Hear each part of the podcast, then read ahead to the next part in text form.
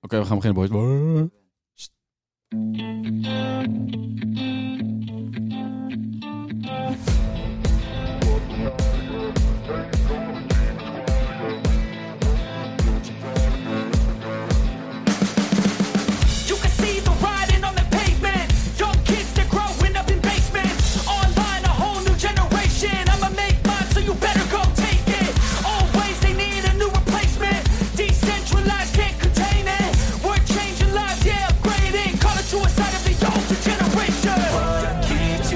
Night, yeah Make all the demons quiet, yeah We were built to thrive, yeah. I think that we've all had enough. What keeps you up at night, yeah?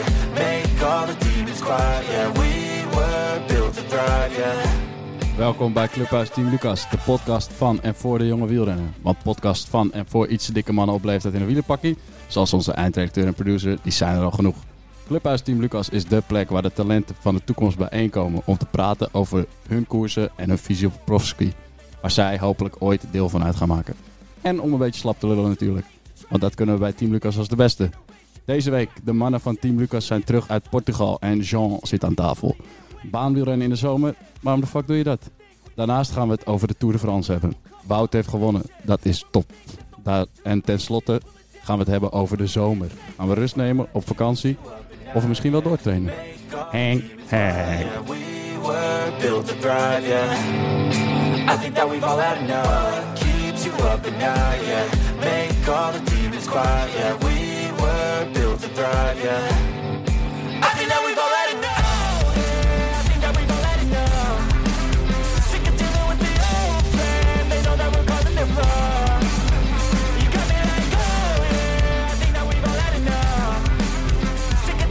Yes, aflevering 4. know that we're causing it wrong We zijn weer terug. We hebben twee bekenden aan tafel. Eh Juliantje Vergouw en eh, Fabio. Hallo, hallo. Yes. Eh, en een nieuwe renner, want die is, heeft een wereldreisje gemaakt. Jean. Klein wereldreisje. Ja, ik zal mezelf even voorstellen aan de mensen thuis. Ik ben Jan, 16 jaar. eh dichter bij de microfoon. Oh, sorry. Sorry. Zo ja, ik ben Jan, 16 jaar. Kom uit Amsterdam. Eh, fiets voor ASC Olympia, superieur. Maar eh daar komen we nog wel een keer op terug. En eh, ik ben in Portugal geweest voor het EK baanwielrennen. En daar gaan we het over hebben volgens mij. Daar gaan we het zo meteen over hebben. Hoe ben je ooit begonnen met fietsen? Eh, mijn vader, die fietst eh, als... eh, nou, die fietst geen wedstrijden, maar die, eh, die fietst wel. Die is naar Olympia gegaan en die sloot zich daarbij aan. En een jaar later ben ik ook gaan fietsen. En eh, in de loop daarvan een beetje wedstrijden gaan rijden. Eerst interclubs is wat eh, provinciaal of regionaal niveau. Ook tegen Julian, als kleine, kleine jongens. En eh, hele mooie herinneringen. En daarna landelijk. Dat zijn eh, wedstrijden door heel het land. En dat is een iets hoger niveau. En daarna NK's. En zo er een beetje ingegroeid eigenlijk. Oké, top. Nou, eh, laten we meteen naar in koers gaan.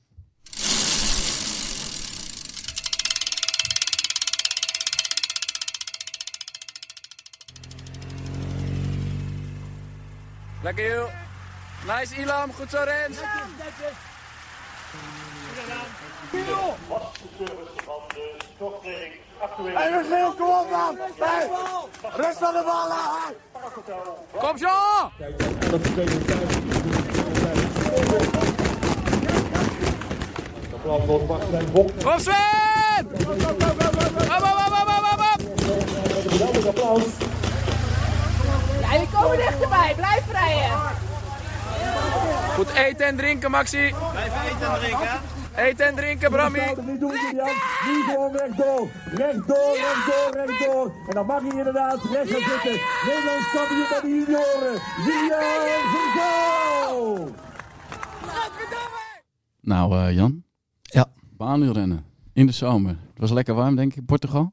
Nou, dat viel tegen. Ik eh, had eigenlijk gehoopt dat het... eh, nou, het was 28 graden of zoiets. En ik had wel op iets warmer gehoopt eigenlijk. Ook, ook in die baan zelf. Nou, in de baan was het wel vrij cool. Maar we reden met een eh, aerodynamische helm. Betekent dat er een eh, vizier bij eh, de helm aangesloten zit. En dat maakt het wel een heel stuk warmer. Ja. En lange mouwen snelpak.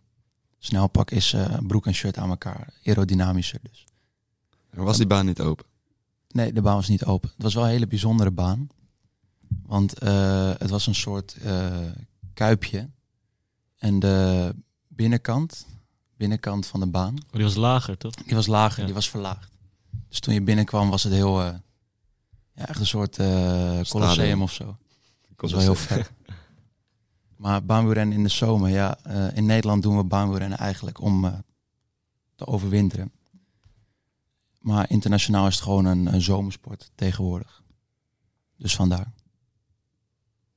Nou, top. Eh, andere boys, rijden jullie wel op de baan? Ja, ik wel. Ik rij eh, nou eigenlijk alleen... eh, ik heb niet veel baanervaring. Weinig wedstrijden gereden, maar... Ik heb wel twee, drie jaar op... winters op de baan getraind. Dus volle winter en dan... één wedstrijd gereden. Maar afgelopen seizoen was ik precies ziek geworden. Rond kerst. En dan zijn al de NK's op de baan. Dus toen kon ik helaas niet rijden. En toen eh week erop was ook internationale wedstrijd in eh, Apeldoorn. En daar kon ik ook niet bij zijn door ziekte. Dus eh, dat was een beetje een tegenvaller. Want ik zou ook, ik zou ook koppelen met Jan op NK. En daar wouden we toch hoog eh, toch wel winnen eigenlijk. En dus dat was jammer. Maar op zich niet veel baanervaring dus. Alleen training. Ja, ja ik heb één winter gedaan, op de baan gereden. Maar ja, zoals eh, iedereen in aflevering 2 kon horen, ben ik niet echt heel erg fan van de baan. Dat eh, blijft het denk ik wel. Wel leuk om te kijken natuurlijk. Maar eh, ja, nee, ik eh, doe het eigenlijk niet meer. Vooral crossen in de winter. De baan bestaat uit heel veel onderdelen volgens mij, Jan. Eh, welke onderdelen heb jij eh, het WK, WK gereden? Ik heb eh, de scratch gereden en de puntenkoers. Ja, baan kan je misschien verdelen in drie onderdelen. Je hebt sprintonderdelen, dus kort en heel hard. Eh pelotononderdelen. Er staan meestal ongeveer 20 man of vrouw aan de start. En gewoon alsof je op de weg rijdt, alleen dan op de baan. En tijdritonderdelen, dus individuele achtervolging, individuele tijdrit of eh ploegenachtervolging, eh ploegentijdrit. Dus ik deed pelotononderdelen, scratch en puntenkoers. En scratch is eigenlijk een soort criterium, alleen dan op de baan. Je rijdt een x aantal ronden en degene die als eerste over de finish komt, die wint. Staat, staat die al aantal ronden vast? Eh, ja, die staan vast. Maar ehm, ja, die staan qua, Hoeveel kilometer is dat? dan? na tien volgens mij. Bij ons junioren is het tien. Eh, dus bij grote belangrijke wedstrijden zoals een EK of eh, een wereldbeker of zo, dan staat dat vast. En eh, als bij ABC, kunnen we het misschien nog een keer over hebben. Bij ABC staat het uiteraard niet vast. en eh, bij puntenkoers is eh, x aantal ronden. Voor junioren is dat 100. En elke 10 ronden een sprint. En de winnaar die de sprint wint krijgt 5. Tweede krijgt 3. En de derde krijgt 2. Vierde krijgt 1 punt. En als je een rondje pakt, dus het peloton inhaalt en weer aansluit, krijg je 20 punten. Dus dat heb ik gereden. En hoeveel punten heb je gepakt? Ja, helaas niet zo heel veel. Ik, eh, ik had wel, ik had drie punten. Maar ehm, begonnen bij de scratch. Daar had ik wel veel, eh, ja, daar was ik wel, ehm, ik keek er wel naar uit en ik was wel verzekerd van dat ik die goed kon doen eigenlijk. Alleen, ehm, ach ja, ik was wel heel erg gespannen en dat zat me wel in de weg. En eh, ik had een plan gemaakt en me daar niet zo goed aan gehouden. Ehm, en uiteindelijk viel ik nog, dus die, had, die scratch had ik helaas verpest. En Was dat je eigen fout? hè? Ja, eigen fout. Nog andere mensen ook gevallen toen? of zelf? Nee, nee, er was ook een, ander over me heen gevallen. Maar hoe viel je dan? Ja, ontzettend lullig. Eh, ik zat op de rode lijn. Moet ik de rode lijn uitleggen voor de mensen thuis? Ja. Nou, moet je maar kijken naar de baan. Moet je maar kijken naar de baan, vind ik ook. Ik reed op de rode lijn en eh, een andere renner uit Engeland, doet verder niet zo heel veel toe. Die komt van de blauwe lijn. Die komt voor mij langs en zet hem op de zwarte lijn. En ik ga in zijn wiel mee. En ik ga ook op de zwarte lijn zitten. Maar er zat iemand anders in zijn wiel. En die wil ook in zijn, eh, die wil in zijn wiel blijven, maar ik pak dat wiel. Maar hij komt schuin voor mij en hij drukt hem eigenlijk in het wiel. En ik was gewoon, ehm, nou, misschien te veel afgeleid en te veel gespannen tegelijk. Dus dat je een beetje het overzicht en de controle kwijt bent. Dus ik laat me heel makkelijk wegzetten en ik val gewoon over het voorwiel va- Achterwiel. Ik zeg de hele tijd fout. Achterwiel van de Brit heen. En die Brit die was degene die het wiel ook wou van... eh, Nee, eh, dat was eh, Bulgaar, denk ik. Oh, ik weet niet zo zeker. Oh, die Brit die, die reed vooraan. Die reed vooraan. Oh, ja. Het ging om zijn wiel. En toen gevallen en eh, gefrustreerd en boos en teleurgesteld. En eh, even huilen. En eh, Maar dan, dan wordt die koers toch niet zo opgezet? het was kop, een- bij koppenkoers wel. Ja, koppenkoers wel. Maar het was in de laatste tien ronden. En ik was wel behoorlijk uit het veld geslagen. Heb ik het later ook met de coach over gehad. En eh, het ging ook wel... Daarna ging het heel hard. Dus was misschien ook niet veilig geweest om terug de baan in te gaan. Maar eh, nee, ze hebben niet stilgelegd. Eh, rijdt er voor elk land één iemand of mogen er meerdere per land? Ja, dat is wel interessant. Bij pelotononderdelen moet er altijd één van één land bij internationale toernooien. Misschien wereldbekers niet, maar Europese, wereld- en Olympische kampioenschappen. Wel, mag er maar één van een land. En bij sprint mogen meerdere van verschillende landen. Dus kan je bijvoorbeeld twee Nederlanders tegen elkaar in de finale hebben. Oh, oké. Maar die Engelse reis soms wel met twee.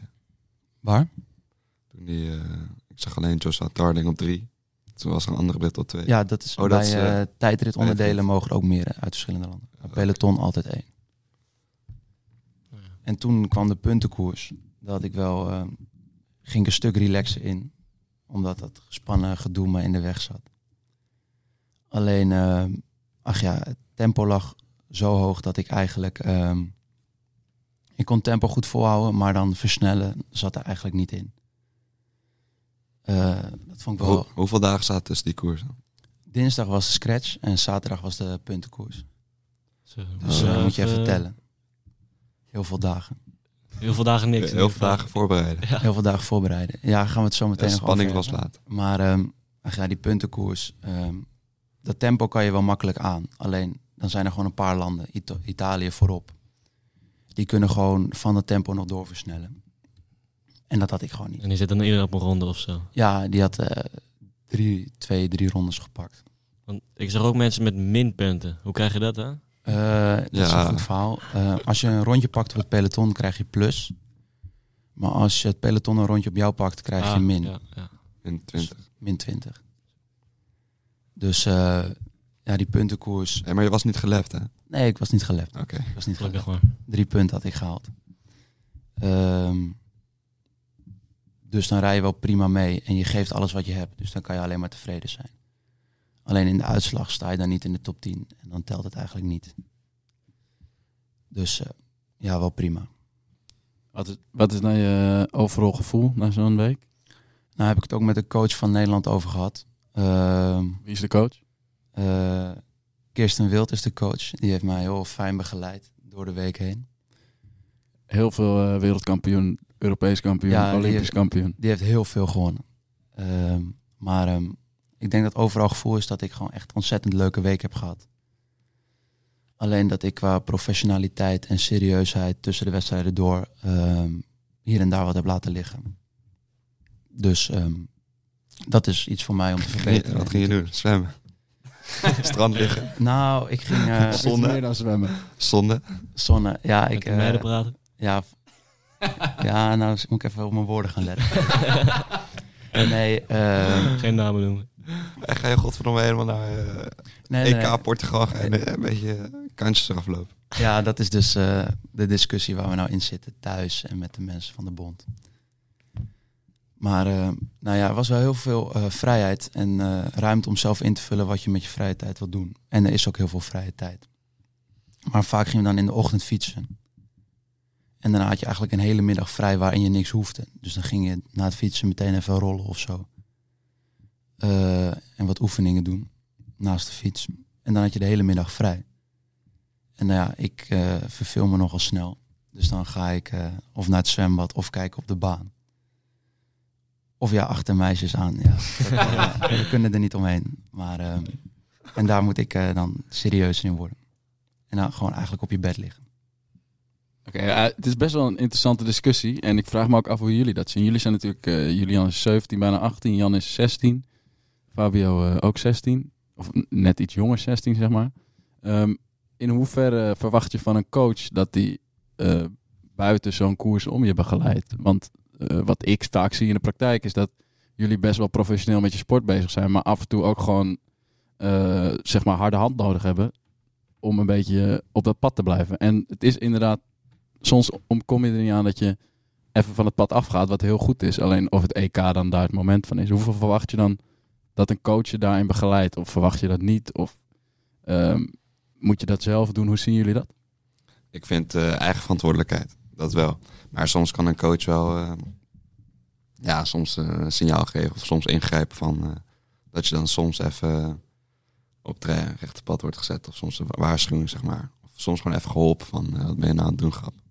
Ja. Dat verwacht ik wel van de coach. Maar op zich, kijk, uiteindelijk moet je het ook zelf leren. En dat vind ik heel erg. Je moet zelf kunnen inschatten van oké, nu moet ik gewoon eh, serieus, eh, nu moet ik gewoon rusten omdat het beter is voor koers. En niet eh, lopen kutten of laten gaan slapen. Dat soort dingen. Ja, ik denk dus dat laat slapen, slapen was in orde. En op het moment dat je op de baan komt, ben je ontzettend gefocust en serieus. Alleen ja, die momenten daartussendoor dan niet alleen. Ik vind het ook wel heel erg lastig. Want wat ook vanuit jou goed gecommuniceerd wordt, is dat je gewoon echt plezier moet hebben met wat je doet. En als ik gewoon een hele dag op mijn bed lig, dan heb ik geen plezier. Dus dat vind ik wel lastig om die afweging te maken. Ja. En ja, het EK is daar geen plek voor, dat klopt. Ik, ik vind inderdaad wel dat de coach eh, wel adviezen moet geven met. Want ja, die coach is natuurlijk om je te helpen om te winnen in principe. En daar ja, hij komt daar natuurlijk wel natuurlijk voor om eh het beste uitzicht te rijden. En dan vind ik wel dat de coach wel advies mag geven als je als je de hele dag eh, hotel rond ziet rennen en zo van. eh misschien is het verstandig om rustig aan te doen. Ik denk dat je daar. Nou, ik denk dat het ook wel soort gecommuniceerd is en eh, bij begeleid is. Alleen dan wordt het één keer gezegd. Ja. En dan is het aan jou om te laten zien wat je ermee doet. Ja, dan leer je natuurlijk wel van als je daar niet naar luistert en dan vervolgens. eh, Ja. En achteraf hebben we het nabesproken en ik kon ze alleen maar gelijk geven. Oké, ja, ik wil toch wat dieper in de zaak, op de zaak ingaan. Hè? Eh, want er wordt nu de hele tijd gesproken over, ja, we hebben een beetje lol gehad en we hebben een beetje niet Ja. serieus gedaan. Maar wat de fuck heb je gedaan allemaal? Ja, Of is dat, kan dat allemaal niet in de mic? Nee, Ja, nee, heb, ik En misschien hebben die andere boys ook wel voorbeelden uit het verleden. En dat je daar misschien van geleerd hebt. Of dat je denkt, hé, hey, dat moet ik gewoon nog een keer doen. ja, dat heb ik ook. Maar Jan, eh, vertel. Ja, Jan.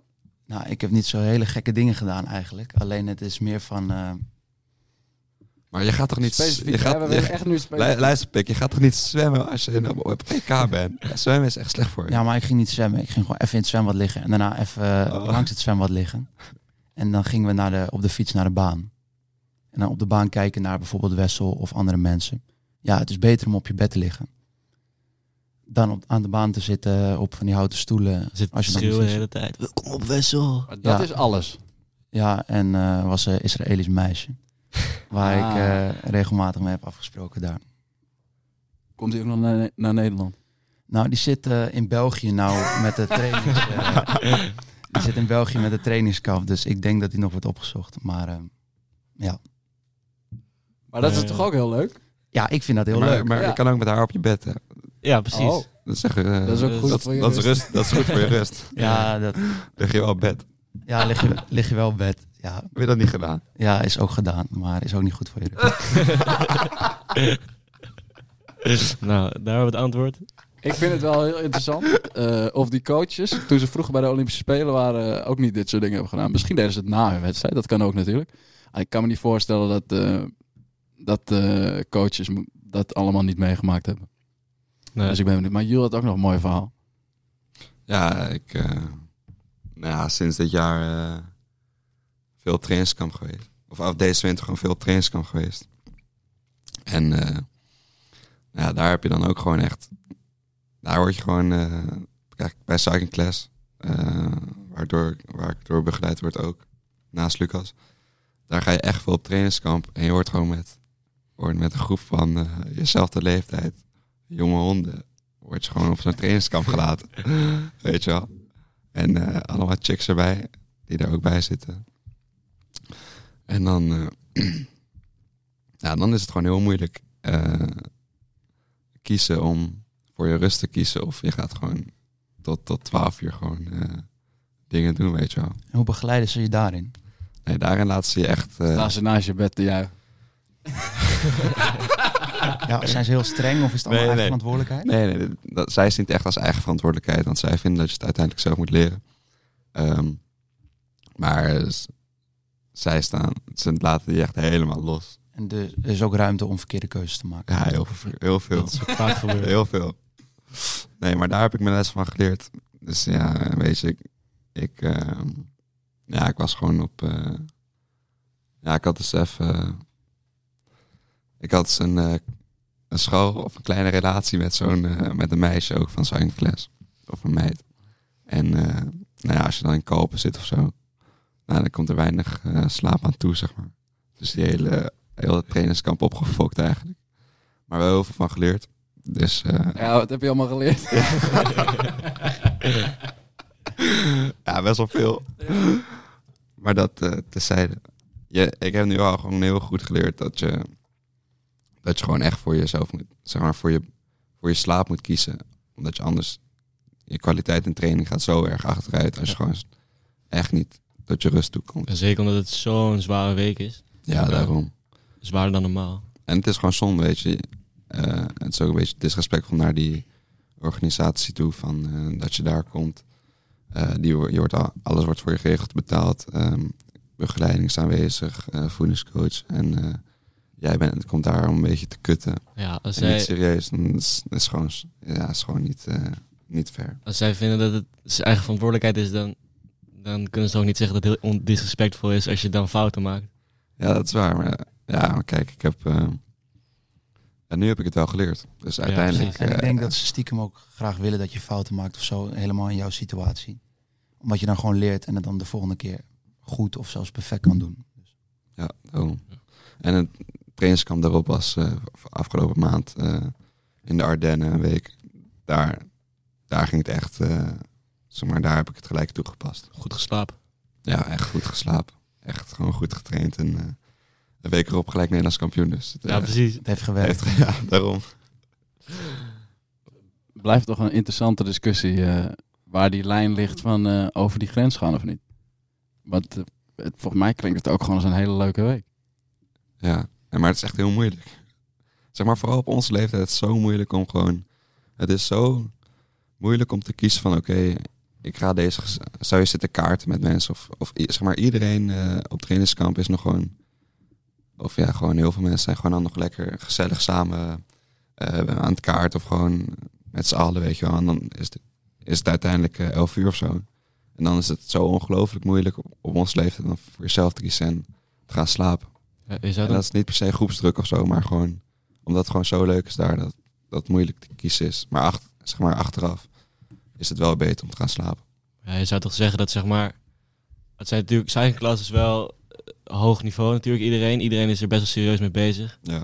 Dus ik denk dat is het dan niet daar dat het iets meer keuzes, wijze keuzes worden gemaakt dan als we met eh weet ik veel Team Lucas naar Mallorca gaan. Dat we dan eh, lekker avond zitten te Hallo, kloten. hallo. Serieus? Oh, serieus, Ik joh. vond dat wij Oké. Mallorca best op, teen- eh, op tijd naar bed Ja, maar precies, dat gingen, we- deden wij dus best wel goed doen. Maar dan lijkt me toch dat het bij een kamp waar... Behalve die laatste avond. Ja, die Nee, daar hoeven we niet over te geslapen. Maar dat het bij Cycling Class lijkt me dat het daar serieuzer gaat. Maar zo- als ik het nu zo hoor, niet, eh, niet heel erg. Ehm, ja, nee, het is. Het is eh, ja, mensen denken dat het fucking serieus is. Maar dat is helemaal niet zo. Dat- ik moet nu zeggen dat het ook zo wel zo is. Nee, dat is echt zo. Die coaches, alles is goed geregeld. Ik zie echt alles professioneel. Waar je aan denkt, voedingscoaches, mental coaches. ehm, gewoon echt veel kennis is daar. Ehm, trainingen zijn goed bedacht. Eh, alleen dan ligt de bal bij ons. En eh, die, eh, ja, die ko- koppen we dan niet in. Soms. Maar wat Maar dat is, dat is gewoon een leerproces. Zo zien zij het ook. Dus eh, ja, weet je, uiteindelijk eh, worden we echt wel beter van. En uiteindelijk, daar hebben we dan ook gewoon gesprekken over. Ja, ehm, eh, zou het niet beter zijn om eh, soms dit te doen of dat te doen om achteraf meer kwaliteit in je training en meer uit, uit je trainingskamp te halen? Maar eh, je bent natuurlijk met ons naar Mallorca geweest. Je bent met Ja. hun naar Kalpen geweest. Er zijn er hele grote verschillen. Zij fietsen waarschijnlijk een stukje harder omhoog. Maar We, fietsen wel, we trainen wel wat harder. Veel meer intensief. Eh, eh, ja, qua, qua omvang eh, misschien wel hetzelfde, maar het is toch wel veel meer sprintjes, blokken, zeg maar veel specifieker. In plaats van bij Lucas het ook gewoon, dat is echt, echt leuk. Je maakt ook gewoon veel uren, maar het is meer duur. Zeg maar, dat kan... als zijn we... Ja, ik weet niet hoe Lucas dat ziet. Lucas meer van ander trainingsleer of zo. Eigen visie. Maar daar, dat is vooral anders. Je traint wel eh, harder, zeg maar. En je doet veel... eh, het is ook gestructureerder. Je gaat, s ochtends ga je gewoon eten. Dan doe je echt oefeningen, een half uur oefeningen. Om echt activatie. Daarna ga je gewoon drie uur fietsen. En dan... eh, ja, dus eigenlijk is... Qua training is niet heel veel verschil. Ja, wel een beetje. En is er een reden Ja, dat ze dan specifiek die oefeningen doen? Of wil ze Ja, laten gewoon- zien dat je het thuis ook moet doen? Nee, nee, die oefeningen zijn echt om, om, om je lichaam te activeren en daardoor meer kwaliteit in je training te halen. Maar ja, ik zat met jou in Bladel en toen deed je die oefeningen nog steeds. Ja, ik, ik vind het ook heel fijn. Oké. Wat En- voor oefeningen zijn er dan? Ja, het is eh, eerst gewoon een beetje eh, rekken, strekken, activatie. Of rekken, strekken. En daarna eh, echt activatie. Dus gewoon, eh, ja, wat voor oefeningen? Gewoon knieën en zo, dat ook, zo, dat soort dingen. Eh, en een beetje core mobiliteit. En dan op de fiets. Ja, dus meer echt voor het opwekken van je lichaam in plaats Ja, ja. van echt... eh, Gewoon, gewoon je lichaam aanzetten. Ja, ja. Ah, ja. En dat moet je dan voor je trainingen thuis ook doen? Een half uur lang? Nee, dat, dat mag je zelf kiezen. Oké. Maar dat doe ik, voor wedstrijd doe ik het altijd. Eh, we hebben ook eh, Michiel Reinders van eh Cycling Class. Die is onze krachtcoach en die, eh, daar heb ik eh, oefeningen aangevraagd. Die heeft een eigen schema voor mij gemaakt. Dus dat doe ik ook voor elke wedstrijd. En dat werkt echt top, vind ik. Ik, eh, ik ben ook een beetje scheef. Eh, misschien weten mensen dat wel, een beetje scheef. Als ik dat niet doe, als ik niet goed mijn core en alles doe, als ik het niet goed bijhoud, dan eh, zit ik echt als een banaan op de fiets. Dus eh, voor mij is het ook heel je- belangrijk. Dan zit je echt... Of dat denk je? Of is het, Nee, dat is echt- zo. Dat is echt in, insane. Ik, Ja? Ik, ja. Ik heb, een- ik weet Gaat hij gewoon heel linksaf. ik heb wel foto's. ik heb wel een filmpje nog. Moet ik dat laten zien nu? Ja, dat kunnen ze denk ik op een podcast zien, ja. Ja, Fabio, dan kunnen ze reactie. Nee, nee, nee, dat maakt niet zo uit. Ehm, ja, even terugkomend op Mallorca verhaal. Ik denk inderdaad dat eh, ik misschien wel heel extreem ben in het jullie vrijlaten. Maar ik vind het ook gewoon hoe ik, misschien een beetje eh, geschiedenis, maar hoe ik uiteindelijk eh, coach ben geworden is, ik ben op mijn 16 een beetje minder gaan fietsen. Eh, want ik woon in Amsterdam. Was heel gezellig. Eh, ik heb besloten om iets meer naar de stad te gaan, iets minder op de fiets te zitten. Dat is vrij slecht te combineren, kan ik je vertellen. Toch heb ik heel veel lol gehad. En ik heb zeker geen spijt van mijn keuzes. En ik denk dat ik het misschien wel veel belangrijker vind dan andere coaches dat jullie heel erg dat zelf ontdekken. En ik vind het ook, nooit erg als renners stoppen bij mij of als renners ehm, andere keuzes maken in het leven. Of misschien komen ze wel weer terug. Eh, we hebben nu een jongen die weer terugkomt na een jaartje. Eh, feesten. En die kwam erachter dat hij toch niet feesten zo leuk vond. Maar ik vind het wel heel belangrijk dat je dat zelf ontdekt. Ehm, en daarom is Mallorca voor jullie misschien bij mij iets vrijer dan een cycling class. Ik geef ook niet oefeningen in de ochtend. Ik ga zelf wel oefeningen doen. Dus als je bij mij op de kamer ligt, doe ik waarschijnlijk oefeningen. Omdat ik gewoon een oude lul ben. Met wie lag je op de kamer? Eh eerste jaar is met Mees en het tweede jaar nu met Rick. Rick. Oh ja. Ehm, dus ik sta zelf wel gewoon een half uur, uur eerder op om mijn oefeningen te doen. Iedereen mag bij me aansluiten, maar ik vind het wel heel belangrijk dat het uit jezelf komt. En ik vind het ook helemaal niet erg als je het niet doet. En als je aan het einde van de week helemaal naar de kloten bent, want daar leer je van. En ik denk dat het bij mij misschien wel extreem is dat je heel vrijgelaten wordt en dat alles vanuit jezelf komt. En dat misschien bij Cycling Class dat iets meer ehm, zeg maar inge- ingebonden is binnen een kader van zo ver kan je gaan, maar je gaat niet over die grens heen. Bij mij is er geen grens. En dat klinkt misschien heel gek, maar ik denk wel dat dat de beste manier is om te leren. Ja, omdat ze bij Cycling Class natuurlijk eigenlijk al vanuit gaan dat je voor het wielrennen kiest. Denk ik. Nee, ik denk ook, kijk, ik heb veel contact met Cycling Class, omdat Julian eh begeleid wordt ook door Martin trouwens van Cycling Class. Eh, en door mij, dus we hebben elke week contact. En ik denk dat ze zeker heel, heel veel vrij laten daarin. Alleen, ik denk ook dat ze echt wel goed bezig zijn daarmee. Alleen ik denk wel dat het een iets hogere standaard is. Dus er wordt wel verwacht dat je misschien iets verder in het proces zit. Het heeft ook te maken met welke leeftijd je zit, welk, hoe ver je bent in dat proces. Ehm, en ik verwacht eigenlijk dat je constant eh, bezig bent met het proces en dat je eigenlijk tot je 35ste alleen maar fouten moet gaan maken. En als je straks in de Tour zit of in de Olympische Spelen, dat je dan een beetje door hebt hoe het moet. En ook dan ga je waarschijnlijk nog fouten maken waar je van kan leren. Maar ik vind het niet aan mij om eh, een soort van jullie te beschermen tegen die fouten. Dus ik zeg ook vaak tegen de ouders, nu, is- nu is het tijd om het los te laten. is heel lastig. Maar volledig loslaten werkt vaak beter dan toch nog even op het laatste moment ervoor gaan staan en zeggen stop, dit is niet wat je moet doen. Dus vandaar dat Mallorca bij mij soms wat vrijer eruit ziet. Alleen ik denk dat jij, eh, Julian, wel het eerste jaar ook aangegeven hebt, ik wil dit en dit in die week. En dat we dat dan in die week passen. Dat hoeft niet te betekenen dat dat bij iedereen zo is. Want voor sommigen is alleen maar duurtraining ook voldoende. En Fabio was dit jaar mee als enige tweedejaars nieuweling. Dus die zit dan wat eerder in dat proces. En die hoeft dan echt niet alles zo specifiek te doen. En zo'n week is al intensief genoeg. En ook aan het eind van de week gaat Fabio gewoon mee eh, eh, de stad in. Tuurlijk. Lol moet er ook blijven. Hij heeft niet gedronken, papa en mama. Dat hebben wij gedaan. Je zei iets heel, eh, iets wat bij mij aansloeg. Iemand die ging feesten en terugkwam. Kan je daar iets over zeggen Ja. of is dat eh, geheim? Dat eh, heb ik Eh, nog nooit gehoord. Nou ja, dat weet ik niet. Dan moet diegene zelf maar een keer aan tafel komen. Ehm, jullie weten wel over wie het gaat.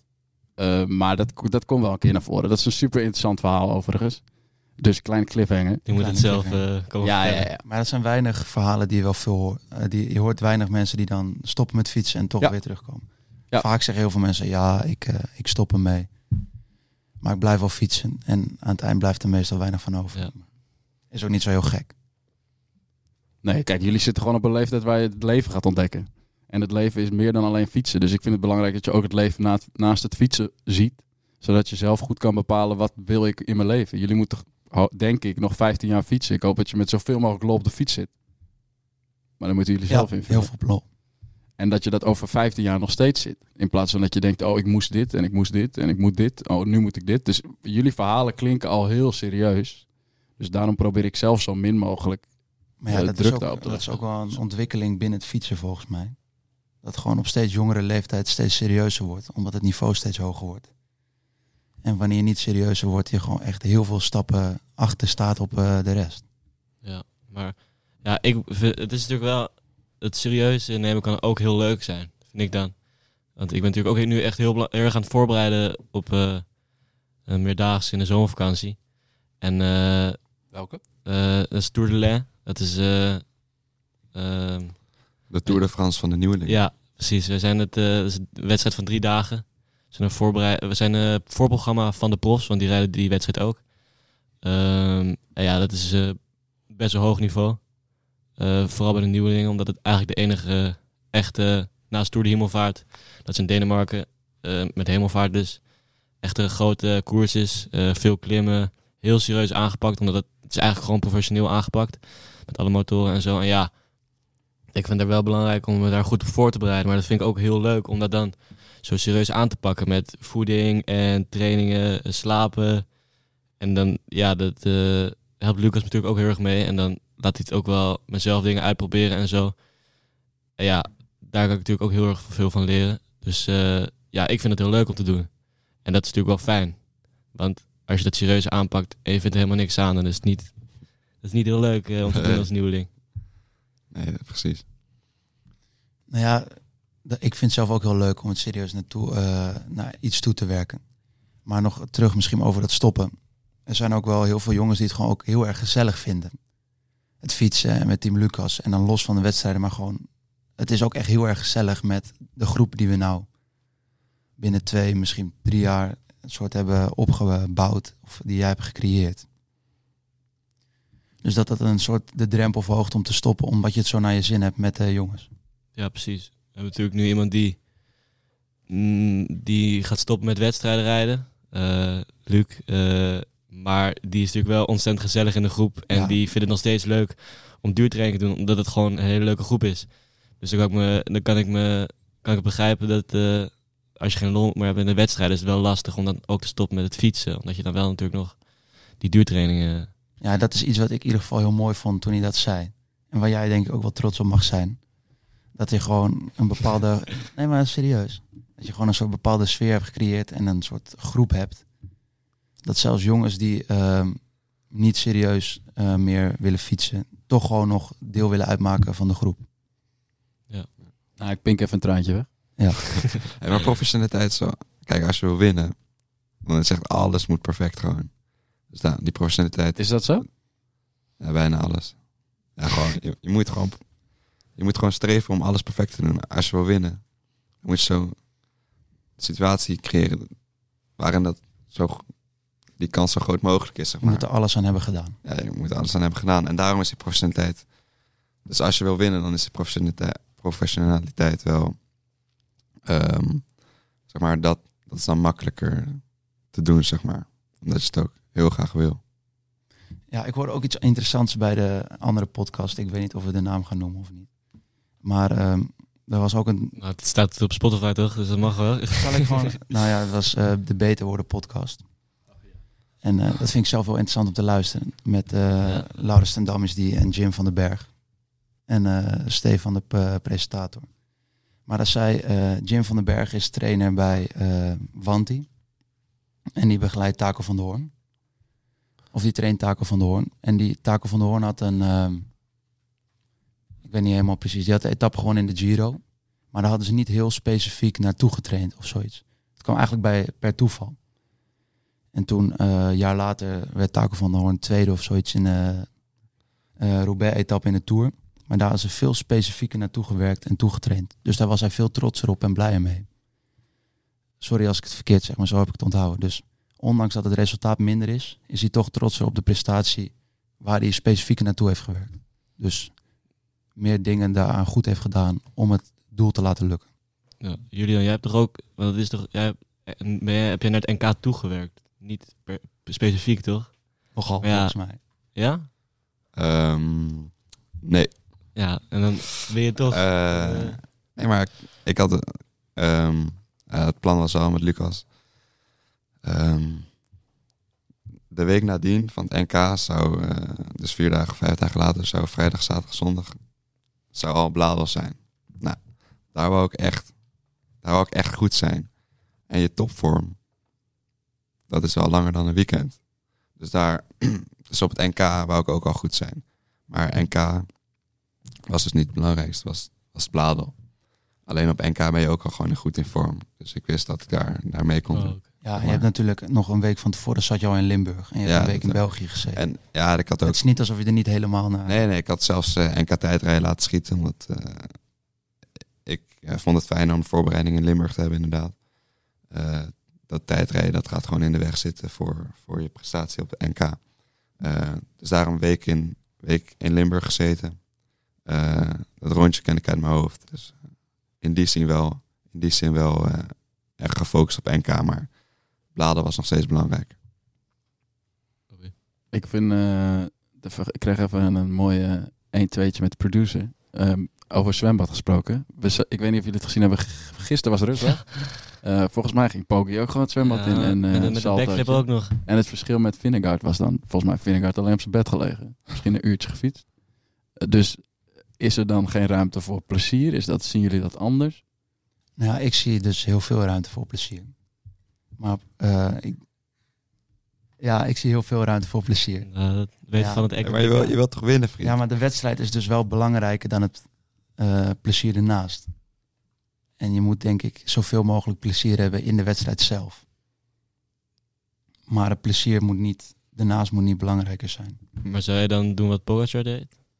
Ja, ja, Ja, uiteraard. ik kan helaas geen backflip, maar eh, ik, zou het wel doen.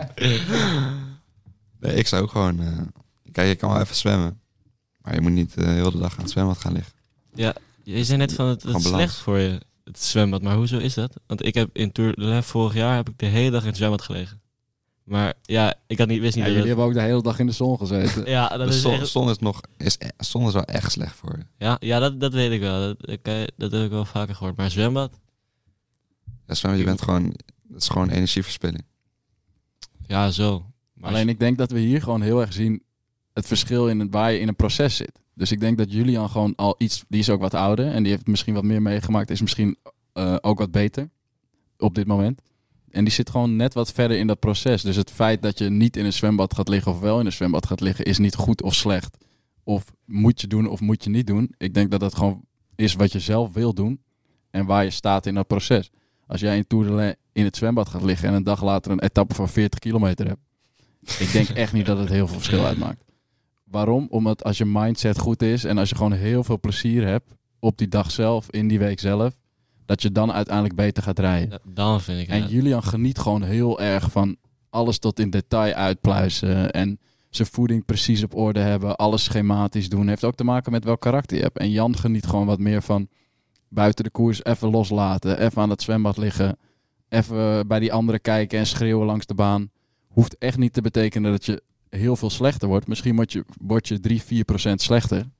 Alleen als je mindset is dat je dan veel meer lol hebt, denk ik dat je daar meer winst uit haalt. En helemaal op jullie leeftijd.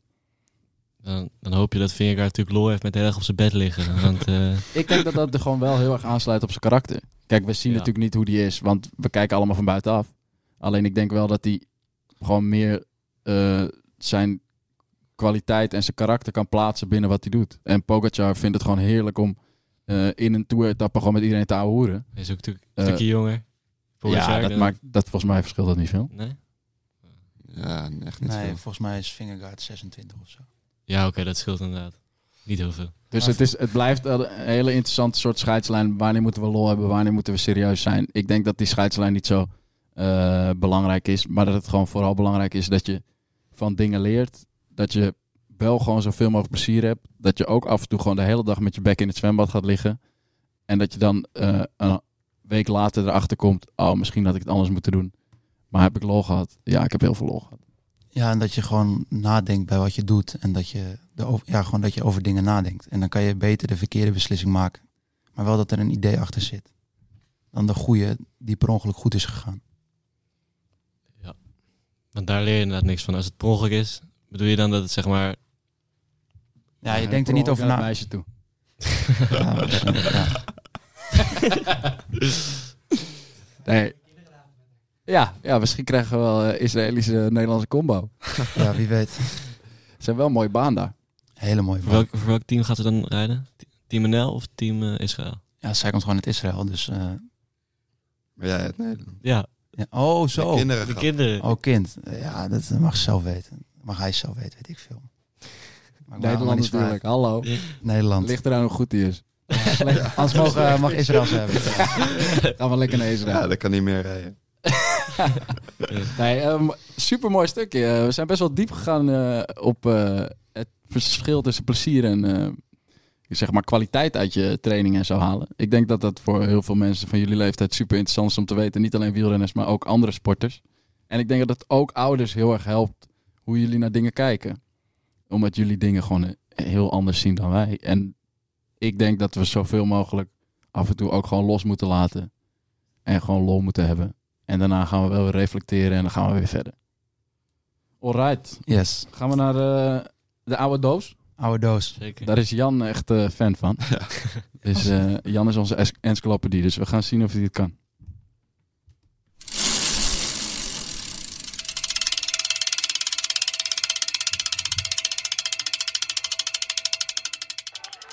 Nu wel hard.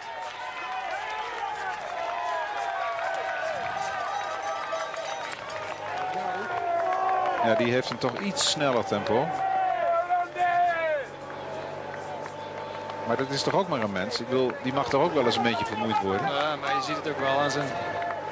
Hij heeft natuurlijk tussen eh, de Galibier, ja, de Galibier en, en hier heeft hij niet- nooit op kop hoeven rijden. Altijd in het peloton gezeten.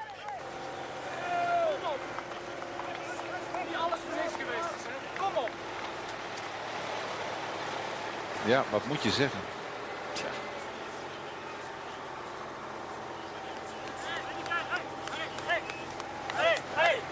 Met alles te schudden, de schouders. Schrijven doe ik niet, bellen doe ik niet, ik ga waar. Heel hard hoor. Roemzas daarachter maakt het tempo. Dus nu gaat Armstrong op Sastra af. En heeft hij dan mededogen, ja of nee? Topsport, Erik, is keihard. Ja, maakt hij dan in drie kilometer, kan hij dan drie minuten goed maken. Sastre gaat eraan. Armstrong komt bij Sastre. Ja, dat moet lukken. Rustig aan, roepen de Nederlandse Tuurlijk. supporters daar. Armstrong in de aanval. Haalt Sastre bij. Maar is het voldoende? Sastre bedankt voor de moeite. Mooi gedaan trouwens van de Spanjaard. Ja, denkt hij. Die kleur ken ik. Het wiel? En hoe lang? Hier, twee kilometer. Daar is naar de punt van de stoel thuis. Help hem mee, denk eraan. Ja, dit gaat hij winnen. Armstrong, zoals gezegd, miste de victoire op eh, de Mont Ventoux. Waar hij misschien wel had willen winnen, want dat ding dat ligt hem niet. Hier begint hij met een indrukwekkende inhaalrace. Maar 1,50 en een kilometer. No, no. Zijn allermooiste Prachtig om naar te kijken. Hè? Ja. Kijk eens. Dit is lachen. Mag ik uw gebit even zien? Ja, ja. Hij ging mee op de Galibier, reed alleen over de Madeleine en heeft een fantastische solo afgeleverd. Het doet ons denken aan Teunissen van 89. De grote Alpen-etappe wordt gewonnen door een jongen van het vlakke land. Gewoon een jongen uit Den Haag die dan weliswaar in België woont. In de schaduw van Leipheimer mocht hij in de Tour rijden en hij geniet ten volle. En wij genieten met hem mee. Heerlijke overwinning. Proficiat.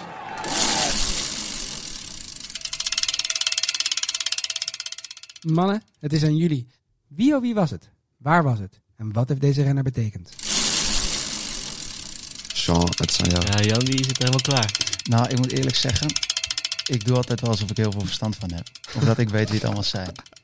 Maar dat is eigenlijk pas van 2015 tot en met heden we- eh, weet ik het meest. Maar volgens mij was dit Michael Bogert. Ja! Oké. Oh, joh. Wat een man. Wisten die anderen het ook? Nee. Ik dacht uh, Rabobank ploeg. Dat, Ja, maar ik kon, Ook dat goed. sowieso. in de auto hoorde hij zo Nederlands praten. Dus eh ploegenauto, maar geen idee wie het was. Ja, daarom. Welke etappe was het? Nou ja, je hoorde finish op Mont Ventoux. Geen idee. Nee, hij gingen wel over de Mont Ventoux. Oh, zo. Ja, geen, geen idee. Grote Alpen-etappe. La Plagne.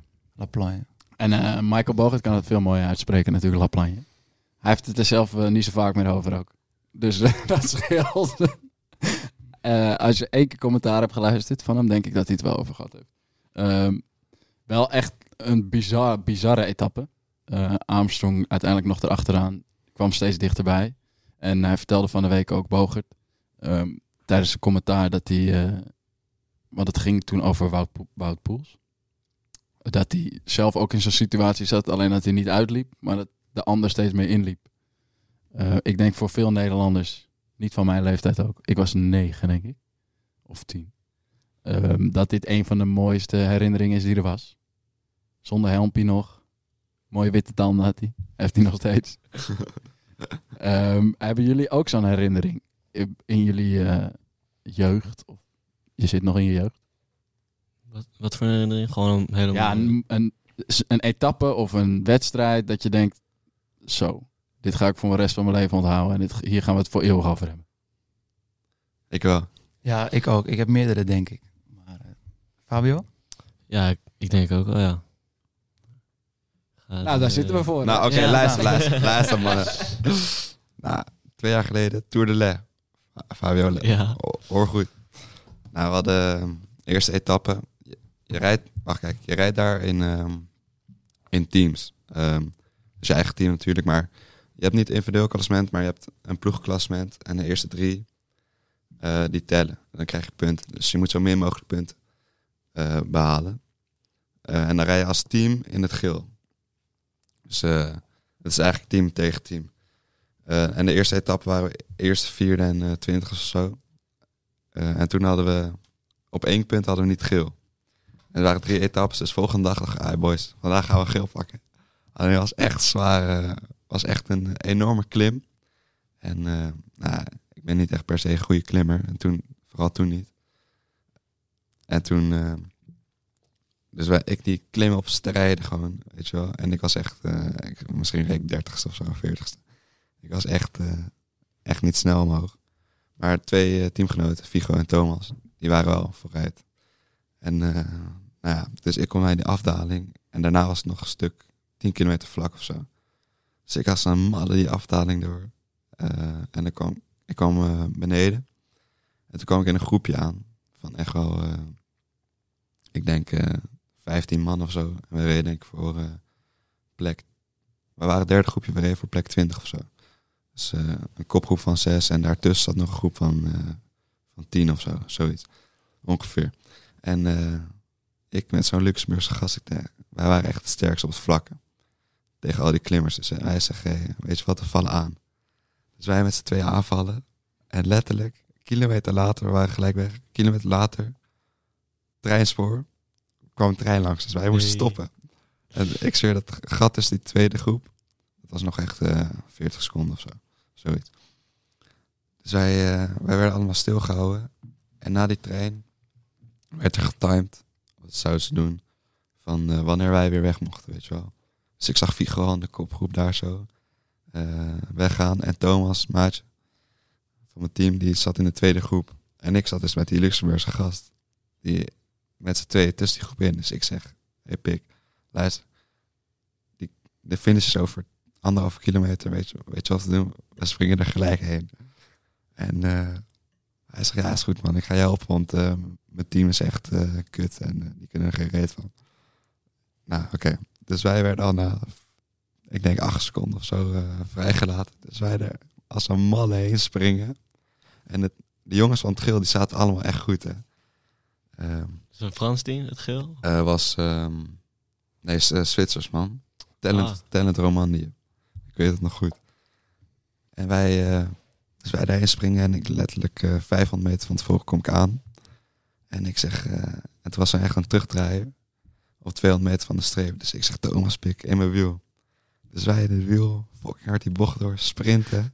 En wij waren echt, wij, wij pakten gewoon, wij waren echt, Thomas won die sprint nog van die groep. En ik werd echt derde of zo. Eh, en toen, toen hadden we, toen hadden we dus gewoon die, die trui gepakt, weet je wel. Dus die dag, die dag was echt insane, zeg maar. Eh, toen hadden we geel en de laatste dag hadden we verloren op hetzelfde aantal punten. Maar ja, op zich, die dag was wel, eh, die zou ik altijd blijven herinneren. Ja, ik vind, eh, ik vind het een mooi verhaal. Ik was zelf in de veronderstelling dat het over eh, de profs ging. Ik ook. Maar eh, ik vind... eh, Echt?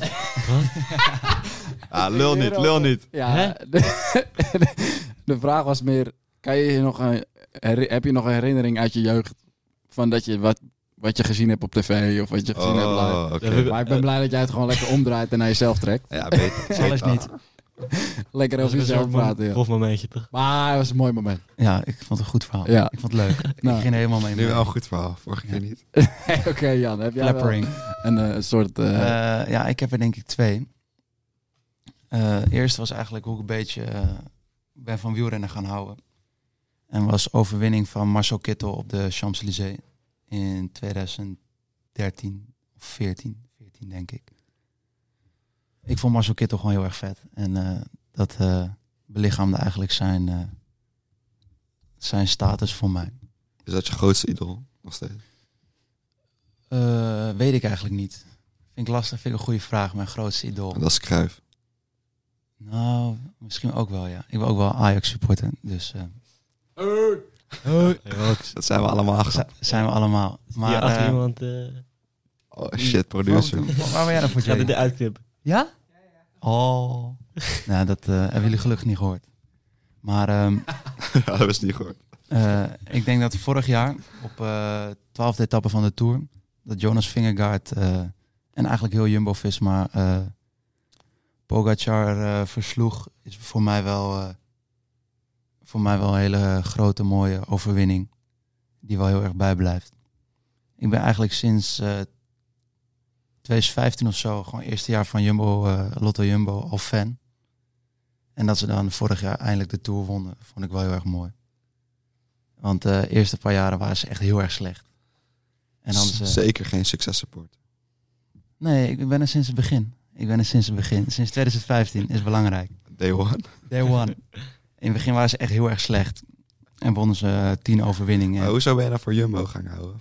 Voor, Groenewegen of zo? Ja, ik was gewoon, ik ging wielrennen volgen. En ze Nederland, Nederlands team. Nederlands team. En zo, de, zo ingerold. En ze werden steeds een beetje beter. Wonnen ze een toeretappe met Roglic, toeretappe met eh Groenewegen. En toen eh, werden ze vierde, vijfde in het klassement met Roglic en Kruiswijk. Derde in het klassement. Tweede met Roglic, tweede met Vingegaard. En uiteindelijk winnen ze de Tour met Vingegaard. En dat zal voor mij altijd bijblijven. En de Giro met Roglic. Vond je ook heel erg leuk volgens mij. Ik vond het Giro met Roglic ook heel erg leuk, ja. Is nog wel een mooi verhaal misschien om te vertellen. Ik ben wel heel erg fan van Roglic. En mijn vader ook. En eh, de dag voordat eh, de laatste afsluitende tijdrit was, in de Giro, zat ik met mijn vader. En toen zei ik van, weet je wat? we gaan een weddenschap doen. Maken een weddenschap. Als Roglic morgen het roze pakt, dan zetten wij een tatoeage. En eh, hij zei, nou ja, hij wint toch niet, maar eh, prima, doen we dat. Hand geschud. En die volgende dag hadden we WVA en daarna een barbecue. En eh waren Israëlische vrienden van ons bij. En eh, heel veel mensen van Team Lucas. En we zitten daar te kijken op die barbecue naar die tijdrit. En eh, ze staan gelijk eerst en Roglic heeft wat voorsprong. En zijn ketting flikkert er nog af. Zo. Oh, dat was Ja, niet goed ja. hoor. En eh, daarna eh, nou ja, wint hij die tijdrit. Dus ik bel mijn vader en hij was helemaal blij. Jij ook, eh, jij ook. Ik was, Zo. ik was wel blij. is ik was wel blij. Maar eh, ik bel hem en hij is helemaal blij voor Roglic. Maar hij was helemaal vergeten dat we die tatoeages zouden gaan zetten. dus ik zeg het tegen hem en hij was helemaal in mineur. Maar eh, die tatoeage moet nog komen. Ja, waar blijft hij? Ja.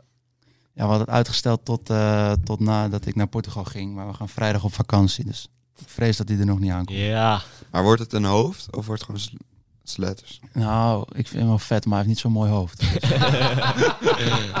ik denk dat gewoon zijn naam met de Italiaanse spreuken bij komt of zoiets. ik denk dat dat hem Nee. wordt. Is goed mooi. Ik zou zijn hoofd doen. Ja, Ja. dat wordt hem Op je rug. Op je hele rug, ja. Ja. Hele rug voor, ja. Met, zeg maar, die, die, Soort, net als Depay, weet je wel? Maar dan in plaats van die leeuw gewoon dit hele hoofd. Ja, dat, eh, we maar gaan dan, het er nog dan over met die tijdrithelm in de Tour van 2020. Dat was Oh, ja, ja, ja, ja. Ja, Ja, ja, ja. Was dat jouw favoriete moment? Ja, zeker. Nee, eh, nee, ik heb wel... Ik had ook inderdaad eh, van de Tour van vorig jaar... dat ze ehm, eh, met z'n tweeën, dus Roglic... moment.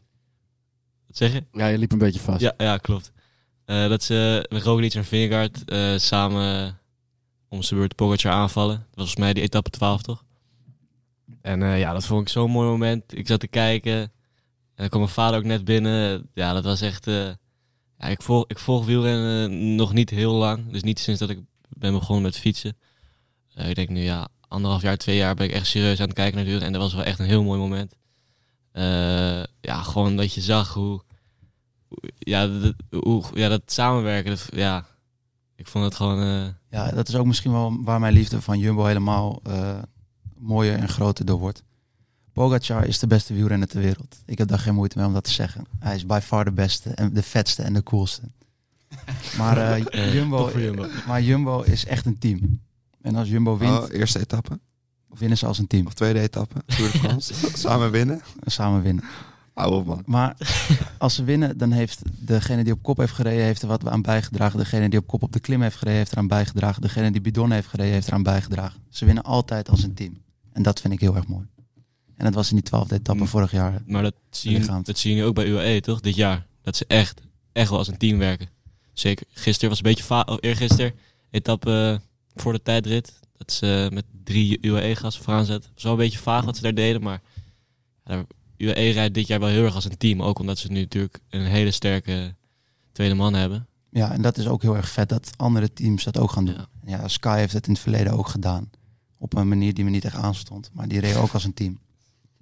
Maar ja, ik vind dat wel heel vet. En eh, nog een ander mooi moment. Eh, WK veldrijden. Hogerheide. eh dit jaar. Daar was ik bij. En die sfeer, daar was niet normaal. Iets van 30.000 mensen op zo'n klein vak helemaal vol. En ja, je, je zag gewoon een golf van schreeuwende mensen over het hele parcours waar Mathieu en Van Aert reden. En het bleef tot het laatste moment spannend. Dat was echt zenuwslopend. En toen won Mathieu. Dan zag je toch wel meer dan de helft van de mensen juichen. En een paar Belgen die, eh, die het niks vonden met waar Van vlaggen. Maar dat was zo'n mooi moment. Daar heb ik echt een mooie herinneringen aan. Of ik nog een mooi moment heb. Ik zou het echt niet weten eigenlijk. Oh ja, mijn alle, alle, alle, alle, allermooiste moment ooit. Tot nu toe in mijn leven überhaupt. Vriend van mij, Niels van Toenderdaal. eh starter voor de Nederlandse selectie geweest. Eh, ik weet niet of hij luistert. Ik heb hem ook al lang niet gezien, sorry Niels. Ehm, is op zijn 26e gestopt met baanwielrennen. Ook een interessant verhaal. Maar dat terzijde. Het wereldkampioenschap op de baan in Apeldoorn. Thuisbaan. Eh, het was altijd heel spannend überhaupt of je geselecteerd werd. Ehm, want er was Roy van den Berg. Die was er toen nog niet volgens mij. Dus Niels startte sowieso. En ik heb altijd geloof gehad in Niels dat hij de aller, allerbeste starter ooit is. En ik was daar op de baan. Met Jan ook volgens mij. Ja, ik was ja, er ook. Jantje was er ook. En Marcel, vader van Jan. En Carolien was er ook. eh baantrainster hier. Was Arjan, was die er niet ook? Arjan, Vonk? Ja? Zou goed kunnen. We waren in ieder geval met een hele, hele kliek. En Niels is gewoon een goede vriend van mij al vanaf eh, jeugd. Toen zaten we samen op atletiek. Dus dat was mooi om dat zo samen een soort van op te zien groeien. Ik ging de ene kant op. Hij is eigenlijk soort per ongeluk prof geworden omdat hij gewoon zo goed was. Hij wist toen hij wereldkampioen was nog steeds niet hoe dat gebeurd was. Eh, en toen het stadion was helemaal vol. Laatste onderdeel. Ze waren geplaatst voor de finale, teamsprint. Dus drie man op een rij. En je moet gewoon volle bak. Niels' taak was de eerste ronde. Dus je gaat vanuit stilstand. Trappen die gasten 7, 2800 watt. En dan moet je één rondje zo hard als je kan. En hij reed 17-0. Nee, hij reed 16-9 geloof ik. Tweede snelste start ooit gereden eh, in de wereld.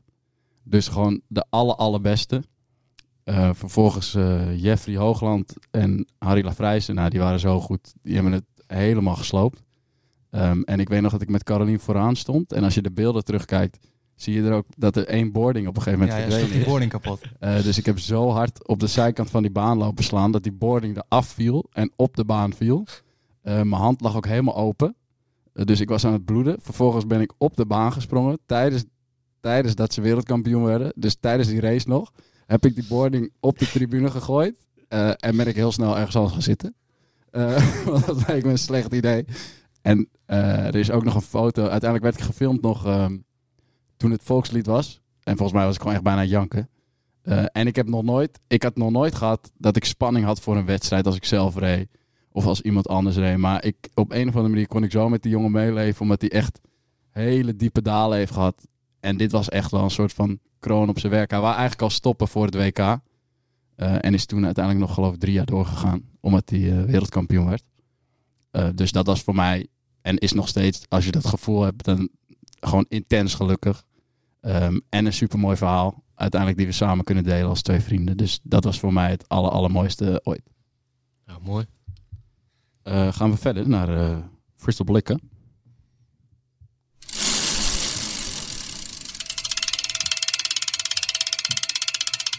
Oude mannen die ooit gekoerst hebben, die vertellen hoe het vroeger was. Ben je ook zo moe van dit soort verhalen en ben je op zoek naar iets nieuws? Luister dan nu, want dit is fris, fris, fris, fris, frisse blikken. Frisse blikken. De wereld bezien vanuit de jonge mens. Favoriete jingle. Favoriete jingle? Ja. hij is lekker ingesproken. Hè? Ja. ja, dat vind ik ook. Dat is top. Eh, we zitten nu op een eh, dinsdag in plaats van een donderdag. En de tour is eh, al geweest, maar de tour gaat ook nog vooruit. Dus misschien is het wel leuk om het iets om te draaien. En een soort van voorspelling te doen voor de laatste week. Vandaag is de tijdrit. Eh, we hebben nog geen idee, want het is nog, eh, nog, nog niet gebeurd. Ochtend. Ja, het is eh eerst is al gestart volgens mij. Oké, geleden. Dankjewel. Nee, de eerste is net gestart, horen we van Fabio. Dus laten Wie- we wie een was klein- het? Een kleine predictie Wie was het? Ja, dat, eh, dat weet ik nou weer net niet. Oh. Helaas. Zullen we een kleine prediction doen? We doen... ehm, we beginnen met de bolletrui. Wie gaat de bolletrui winnen? Niels. Paulus? Ja. Ja, ik zeg ook Paulus. Nee, die kan helemaal niet. eh. Nee, ik denk Chicone. Die is nu, staat nu bovenaan. En die kan veel beter klimmen dan Pa- Paulus. Is helemaal gewoon geen goede klimmer. Ja, die is natuurlijk wel goed, maar die kan niet zo klimmen als Chicone, denk ik. Nou, ben ik het niet mee eens. Nee? Nee. nee, ik denk dat eh, Paulus hem gaat winnen. Omdat, ehm, nou, ja, nou ja, het is of Ciccone of Paulus of eh, een van de klassementmannen. En Van Aert? Nee, geen van aard. Gaat hij nu nog een paar keer in de attack? Ja, maar de- op die echt grote klimmen zijn die lichtere mannen gewoon beter, denk ik. Maar ja, eh, Paulus is nu toch al verloren omdat hij het gewoon niet bijhoudt. Hij heeft het al een paar keer geprobeerd, maar het lukt hem gewoon niet om als eerste boven te komen. Dus ik denk toch dat eh, hij niet echt gemaakt is voor die Alpenklimmen. Ja, ik gun het hem gewoon meer, denk ik. Ja. Ja, IF. Het is een mooi team, maar ja. ja, en ik moet ook wel zeggen dat ehm, was vorige week discussie over de groene en bolle trui. Maar groene trui is volgens mij juist meer dat je elke dag even wat punten moet halen. En bolle gewoon dat je twee Alpen of eh, weet ik veel, twee eh, grote klimetappes eh, heel veel punten haalt en dat je hem dan gewoon kan winnen. Dus dat dacht ik eigenlijk. Ik denk dat het allebei echt wel ook in de vlucht moet. Inderdaad, vorig jaar Van Aert, die, ja, Nu is, dit jaar is het eh, natuurlijk een heel ander verhaal. Want eh, Philipsen die sprint, wint gewoon elke sprint. Dus hij hoeft niet elke keer in een vroege vlucht te gaan. Maar ja, vorig jaar werd de bolletjesstrijd natuurlijk gewonnen door Vingegaard. Wel, ja, en die heeft natuurlijk wel gewoon... Ja, dat was gewoon... Omdat hij gewoon zo vaak... Er wa- waren gewoon niet genoeg vroege vluchten die lang wegbleven. En ja, Van Aert was inderdaad wel elke keer in de vroege vlucht. En daardoor heeft hij de groene trui volgens mij gewonnen. Dus ik denk dat het allebei... Ook wel heel dik volgens mij. Oké, dus Ja, oké, eh, laatste prediction voor de bollen, Fabio. uh, Chicone. Paulus. Paulus. Ah, spannend. Ik zou het niet weten. Eh, Ik heb ook geen idee hoe het staat eigenlijk, maar ik zeg Paulus. ja, ze zitten volgens mij echt op drie punten Ja, van elkaar. Ja. Dicht op Dus elkaar. het scheelt echt niks. Uiteindelijk zie je wel volgens mij deze tour dat er veel meer eh, echt grote vluchten zijn. Dus dat er best wel kans is dat eh een van die twee gewoon nog best wel gaat uitlopen. Is ook wel leuk toch als gewoon een aanvaller die bollen wint in plaats van klassement. Ja, is ook zo. Vind ik ook. Oké, eh, laatste prediction. Gele trui. Hoeveel seconden? Waar gaat het gebeuren? En waarom? Moet ik even over nadenken. Het, gaat, eh, het gaat vandaag gebeuren. Wat is vandaag? Tijdrit. Tijdrit. Ehm, tijdrit op, eh, op eh 25 seconden pakt hij gewoon. Op Vingegaard. Hoeveel staat hij er dan voor? Hij staat niet voor. Nee, maar als hij 25 pakt, hoeveel staat hij dan nog voor? Ja, dan moet ik aan jou Vijf, vragen. Vijf. toch? Nee, 15. 15? 15 seconden. 15 seconden staat hij voor. Ja, ik vind het echt heel erg lastig inschatten. Want eh, voor mijn gevoel is ehm ja, Pogacar sterker of zo. Maar Vingegaard is gewoon een stuk taaier. En in zo'n tijdrit eh, eh, ja, kan ik dat gewoon niet inschatten. Ik denk dat het heel erg dicht bij elkaar gaat zijn. En dat gewoon de allerlaatste etappe nog beslist gaat worden op heel weinig verschil eh, wat gaat gebeuren. Hey, Poggi kan beter tijd rijden. Nou, Is dat zo? is niet waar. Nee. Nee, ik denk het niet. Wel man. Maakt het nog een verschil dat je een tijdrit hebt na een rustdag? Ja, Nou, als je in het zwembad springt de hele dag misschien wel. ga je niet meer Weet je toch wie er gaat winnen? Ja.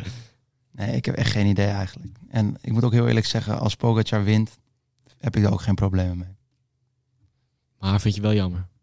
Nou, ook misschien niet eens. Ik heb deze Tour heel slecht gevolgd. Dus dan leef je minder mee. En dan zijn gewoon... lag op bed. Ik lag op bed. Ik lag op bed.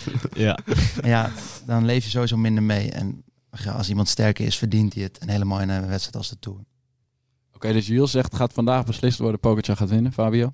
Ja, ik denk ook dat het vandaag beslist gaat worden. Omdat die... Ja, er zijn nog twee echt zware klimetappes. Maar ja, die gasten die, eh, die krijgen niet voor elkaar om elkaar te droppen. Misschien gaat Pogacar nog een paar seconden pakken. eh, Omdat hij gewoon explosiever is. Maar ik denk dat vandaag inderdaad het grootste verschil wordt gemaakt. Ehm, en ja, zeker. Als Vingegaard vandaag nog de gele trui houdt, dan gaat hij de rest van de Tour het wiel van Pogacar niet meer verlaten, denk ik. Dus, en ik denk dat Pogacar, eh, Vingegaard vandaag gaat winnen. Ja, ik, ik denk wel dat hij beter kan tijdrijden. Ook als je kijkt naar vorig jaar. Na zo'n zware Tour. Pogacar die heeft wel vaak tijdritten van hem gewonnen, maar altijd aan het begin van de Meerdaagse. En nooit aan het einde. Ik denk dat Vingegaard gaat winnen. De gele trui en vandaag. Eh, ja, ik, eh, ik denk dat Pogacar gaat winnen. Denk ik. De tijdrit niet eens. Eh, ik denk dat die tijdrit gewoon echt weer heel erg close gaat zijn. Maar dat Pogacar aan het eind gewoon nog ehm, explosiever is op een late klim. En dat hij dan nog wat seconden pakt. En dat ze gewoon binnen een halve minuut van elkaar gaan eindigen. Dat zou wel ziek zijn. Ja. Weet je dat er dan nog iets gaat gebeuren de laatste etappe, Champs-Élysées? Ja, maar het maakt eigenlijk geen verschil of Jumbo hard op kop gaat rijden of een sprintersploeg. Eh, dat wordt gewoon een sprint. En Pogacar zit van voren, dus dat gaat ook, die wordt niet verrast. Ja, ik Denk dat- ik. Ik denk inderdaad dat eh, Jumbo, als zij achter staan, niet zoveel kunnen doen op zo'n sprintetappe. Zo'n sprintdag. Nee, en dat eh, hoort ook niet. Nee, is gewoon regel. ja. Ja, ik, ik vind het echt onzin. Ik vind gewoon dat je moet koersen op die laatste dag als het, het verschil heel klein is. En eh, dat je daar alles aan moet doen. Nee, man. Maar ja, er valt heel weinig te doen. Tempo ligt sowieso wel hoog. Ja, daarom. Niet als eh Pogacar champagne gaat drinken dat je dan gaat aanvallen. dat vind ik wel heel, eh, heel zielig als je dat gaat doen. Maar eh, Ja, er wordt genoeg gedaan. Dat soort eh, moves, denk ik. ja, ik weet het disrespectvol. Is. Nee, je moet gewoon je moet je verlies nemen.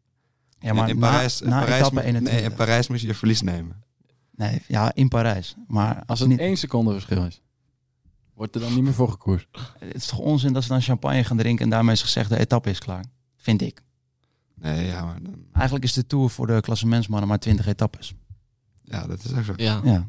En dat, vind, ik mooi. onzin. vind ik een mooie traditie. Juist. Nee, Dat ik is- zou het wel vet vinden als het nog voor gekoers wordt op de laatste dag. Ik denk dat heel Het, weinig het zou verschil wel, het zou worden. wel een mooi moment maken, inderdaad. Dat het, eh, maar ja, ik vind toch dat het eh, mooi, ja, ik, ik blijf bij die traditie, maar inderdaad. Het zou wel eh, wat variatie brengen. Dus ik denk ook dat het verschil maakt als Pogacar gele trui draagt of Vingegaard of zo. Ja, ik denk inderdaad dat... Ik denk als Vingegaard champagne gaat drinken aan Pogacar valt aan, vindt iedereen het mooi. maar andersom vindt iedereen het kut. Ja, maar ik denk ook niet dat Pogacar dat... Ik denk eerder dat Vingegaard dat zou doen dan Pogacar, eerlijk gezegd. Ik weet niet, ik zou het, ik zou het doen. Ja. Ik niet. Dus eh, conclusie is, we zijn er niet over eens wie er gaat winnen. En het wordt wel beslist in de tijdrit, denk ik. Ja, Poggi gaat winnen. Behalve Jan denkt van niet. Ik denk van niet. Maar Maar wie denk je dat gaat winnen? Hij denkt, hij denkt in? Parijs. Oh, ja, ik, denk, ik denk dat Pogacar de Tour wint. En ik hoop Vingegaard. Ja. Misschien heb ik al te weinig uh, Tour gekeken om een goed, uh, goede mening te kunnen vormen. Nou, dat het spannend is, is één ding wat zeker is. Uh, we zijn benieuwd.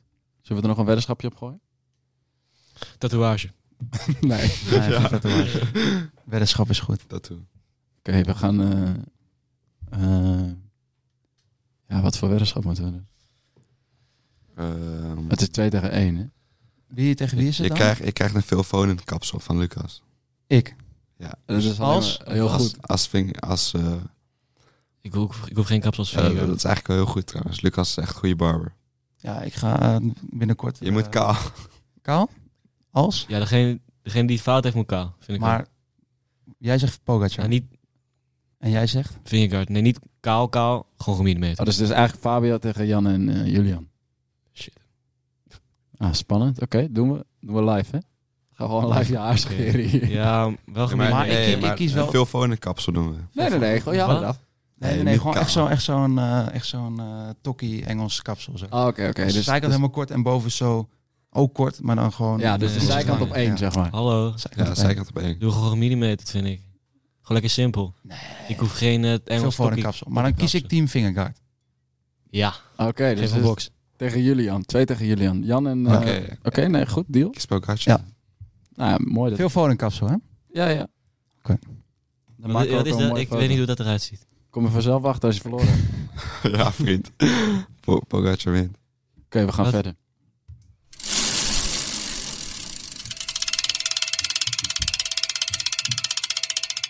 Nooit meer op de baan fietsen of nooit meer in het bos. Nooit meer je beste maat zien of wereldkampioen worden. Nooit meer in het wiel plakken of nooit meer los uit het peloton. Dit is de laatste ronde in Clubhuis Team Lucas. De dilemma's. Dilemma's. Ik heb, uh, ik heb er net één bedacht. Ik vond hem zelf heel grappig. Maar ja, ik vind mezelf vaak heel grappig. Uh, Oké. Je komt je vrouw tegen. Maar je gaat op je bek op het EK. Of je komt je droomvrouw niet tegen. En je wordt Europees kampioen. En je komt nooit meer je droomvrouw tegen. Ik voel een... Uh, ik voel een soort... Uh, ja, ik weet niet wat ik voel. Een soort steek Emotie. mij. Emoties. Emoties. Uh, moet ik even nadenken, hè? Hij moet nadenken. Ja, ik moet nadenken. Ah, het is voor iedereen, hè? Jij mag uh, ook antwoord geven. Droomvrouw. Het is Europees kampioen, hè? Ja. Ja, droomvrouw. Ik ook droomvrouw. En als we zeggen wereldkampioen? Nog steeds. Ja, dan word ik net zoals die mannen vorige week. Is het dan bij de junioren of bij de elite? Of maakt niet zoveel uit? Ah, bij de elite dan. Elite.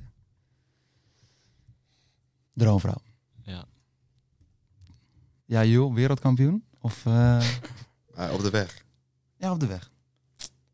Shit, man. Als mijn vrouw dit hoort, later. Ik zeg uh, ook vrouw. Droomvrouw. Ah, mooi. Dus er zijn en toch Lucas? Nog... Hè? En jij? Ik wil wereldkampioen. ik kom het toch niet tegen. nee, droomvrouw, natuurlijk. hoop. Nee, we gaan, ik ga voor de droomvrouw. Wereldkampioen hoef ik niet te worden. Oké, okay, uh, nooit meer de Tour kijken of nooit meer klassiekers kijken? Nooit meer klassiekers. Ja, mijn klassiekers. Zo'n mooi moment. Tour. Lekker vakantie, de hele dag. Eerst fietsen, dan de hele dag Tour kijken. Vind ik veel mooier dan die klassiekers. Dus je mag geen Milan, Sanremo, geen Parijs-Roubaix. Maar Tour is echt... prima. Nooit meer Tour. Tour is echt honderd keer groter dan elke andere koers. Hè? Ja, maar ik vind die klassiekers vind ik zo heerlijk. Dan ga je in de ochtend ga je fietsen. En dan kom je thuis, ga je even douchen. Ga je eh, eitje bakken of zo. En ga je voor de tv zitten. Sowieso lekker koud nog. En dan is het gewoon nog 150 kilometer. En dan kan je gewoon zitten. En die tour is ook, dan ben je op vakantie. En dan zit je in de auto. En dan mis je de finale. Ja, ik kijk liever klassiekers. Ja, ik heb dit jaar veel meer klassiekers moeten missen. Omdat we dan, als ik dan wedstrijden heb, dan zit je minder in het wedstrijdseizoen. Ja, maar in wezen moet je dat dan misschien ook beter plannen of zo. ja, man. Geintje natuurlijk. Daar moet je ook kunnen lachen. Nee, Zo. en ik denk ook dan, ja, heb je nog eh, Giro en Vuelta om te kijken. En ik vind die klassiekers echt heel erg leuk. Ja. Ik blijf bij de zomervakantie, bij de Tour de France. Ik ook. Ik ga niks boven de Tour. Ja, ben ik het niet mee eens. Zelfs WK niet. Maar eh, het ding is wel zo, het is ook wel een soort, eh, de Tour en de zomervakantie en zo is ook wel, heeft iets magisch. Of zoiets. Maar ja, ik vind klassiekers ook heel erg leuk. Alleen jullie, jullie associëren, ik heb zomervakantie als het tour is. Straks als je werkt heb je dat niet meer. Nee, boek is ik het- gewoon vakantie als het hetzelfde? Tour is, hoor.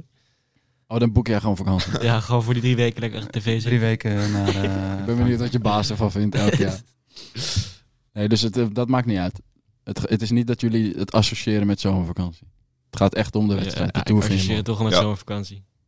Ik wil nog iets zeggen of zo. Het staat niet heel erg aan op dilemma's of zo. Maar ik vind ook heel erg gek dat mensen heel erg graag hebben dat Nederlanders winnen. Dus En de Amsterdammers? ja, wie heb je hebben dan? er echt maar Dylan. Groenewegen. Bij Amsterdammers wel. Wie nog meer? Eh, In de Tour. Maar heb je dan liever inderdaad dat de Wout Poels bijvoorbeeld wint bij Bahrein of dat, eh, weet ik veel, een Benoot Nederland... bij Ju- Jumbo. ja, Nou ja, niet Jumbo, een eh Ja, maar ik... Bardet bij DSM. Ja, tuurlijk. eh Wout Poels. Maar ik vind gewoon... Ik heb verder helemaal niet zoveel met Nederlanders. Ik heb gewoon... Jij ik hebt vind- meer Israëli's. Nee, maar ik vind... Ja, leuk. Creatief.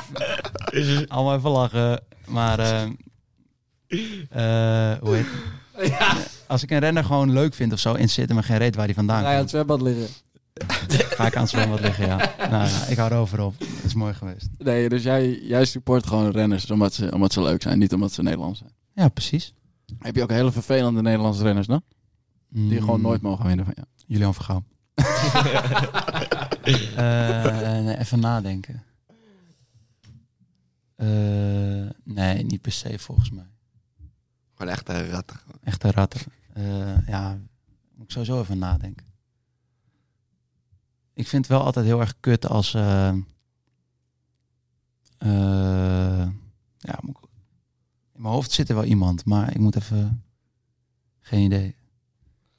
Ik, weet, ik vind het toch altijd kut of zo als er een Belg wint en dat die Belgische... eh, of nee, nee, als er een Nederlander wint bij een Belgische ploeg. Maar ja, dat heb ik, ook- heb ik, doe ik exact hetzelfde met Jumbo en een Belg. Met Wout van Aert of zo. Maar gewoon, die Belgische commentatoren doen altijd helemaal gek als een Belg wint of een Nederlander voor Belgische ploeg. Ik doe exact hetzelfde, maar ik stoor me er mateloos aan. Oh ja, ja. Die Belgen zijn wel heel, heel eh, chauvinistisch, nationalistisch. Ja, Daar ben ik het wel mee eens. Hey eh, boys, hebben we nog een mooie uitbrander? We gaan eh, twee weken eruit. Wat gaan we nog doen? op vakantie. En afspreken met, eh, nou ja, u kent het wel. Hé broer. Ja, ik, het is mooi. Dit is het begin, begin van het einde van Jan. Ja, begin van het einde. Begin van een nieuw begin. Fabio, ga je nog wat doen? Ja, ik ga... eh, morgen vertrek ik naar eh, Zwitserland. Lekker. Lekker Davos. eh 1500 hoogtemeter. Ben je trouwens over? Ik ben zeker over. Ik ook. 5 VWO. Lekker man. 5 VWO. Ja. Dus je gaat nu naar 5 VWO. Ja, ik ga nu even. Ja, ik 5 HAVO. Lekker man. Spannend, hè? En eh, ja, na Zwitserland, eh dus die Tour de Lens. Die drie dagen lang. Het hoofddoel. koersen. Een jaar voor gewerkt. Zeker. Maar jullie kunnen echt wel... Wie gaan er allemaal heen? Samuel, eh, Tyler, Hugo en Veroen. Eh, Michiel die is er niet bij omdat hij eh EOF rijdt. En dat is eh, eigenlijk de Olympische Spelen voor de nieuweling. Oké. Dat past niet bij elkaar. Ze- Tegelijk is het bezig, dus ja. Dat is wel jammer, maar eh, ik heb er nog steeds vertrouwen in. Nou, ik ga naar... eh, ik vertrek morgen naar, eh, voor dit weekend naar Ober-Osterreich Junior Rundvaart. Ah, En, eh, week erop- Oostenrijk. In Oostenrijk, daar. en eh week erop uh, Challenge. Dus eh, kijk er naar uit. Oké. Ga jij naar Oostenrijk? Ik ga mee naar Oostenrijk. En er komt ook een mooie uitdaging aan voor mij als coach. Maar daar gaan we het nog over hebben, want dat mag ik nog niet uitlekken.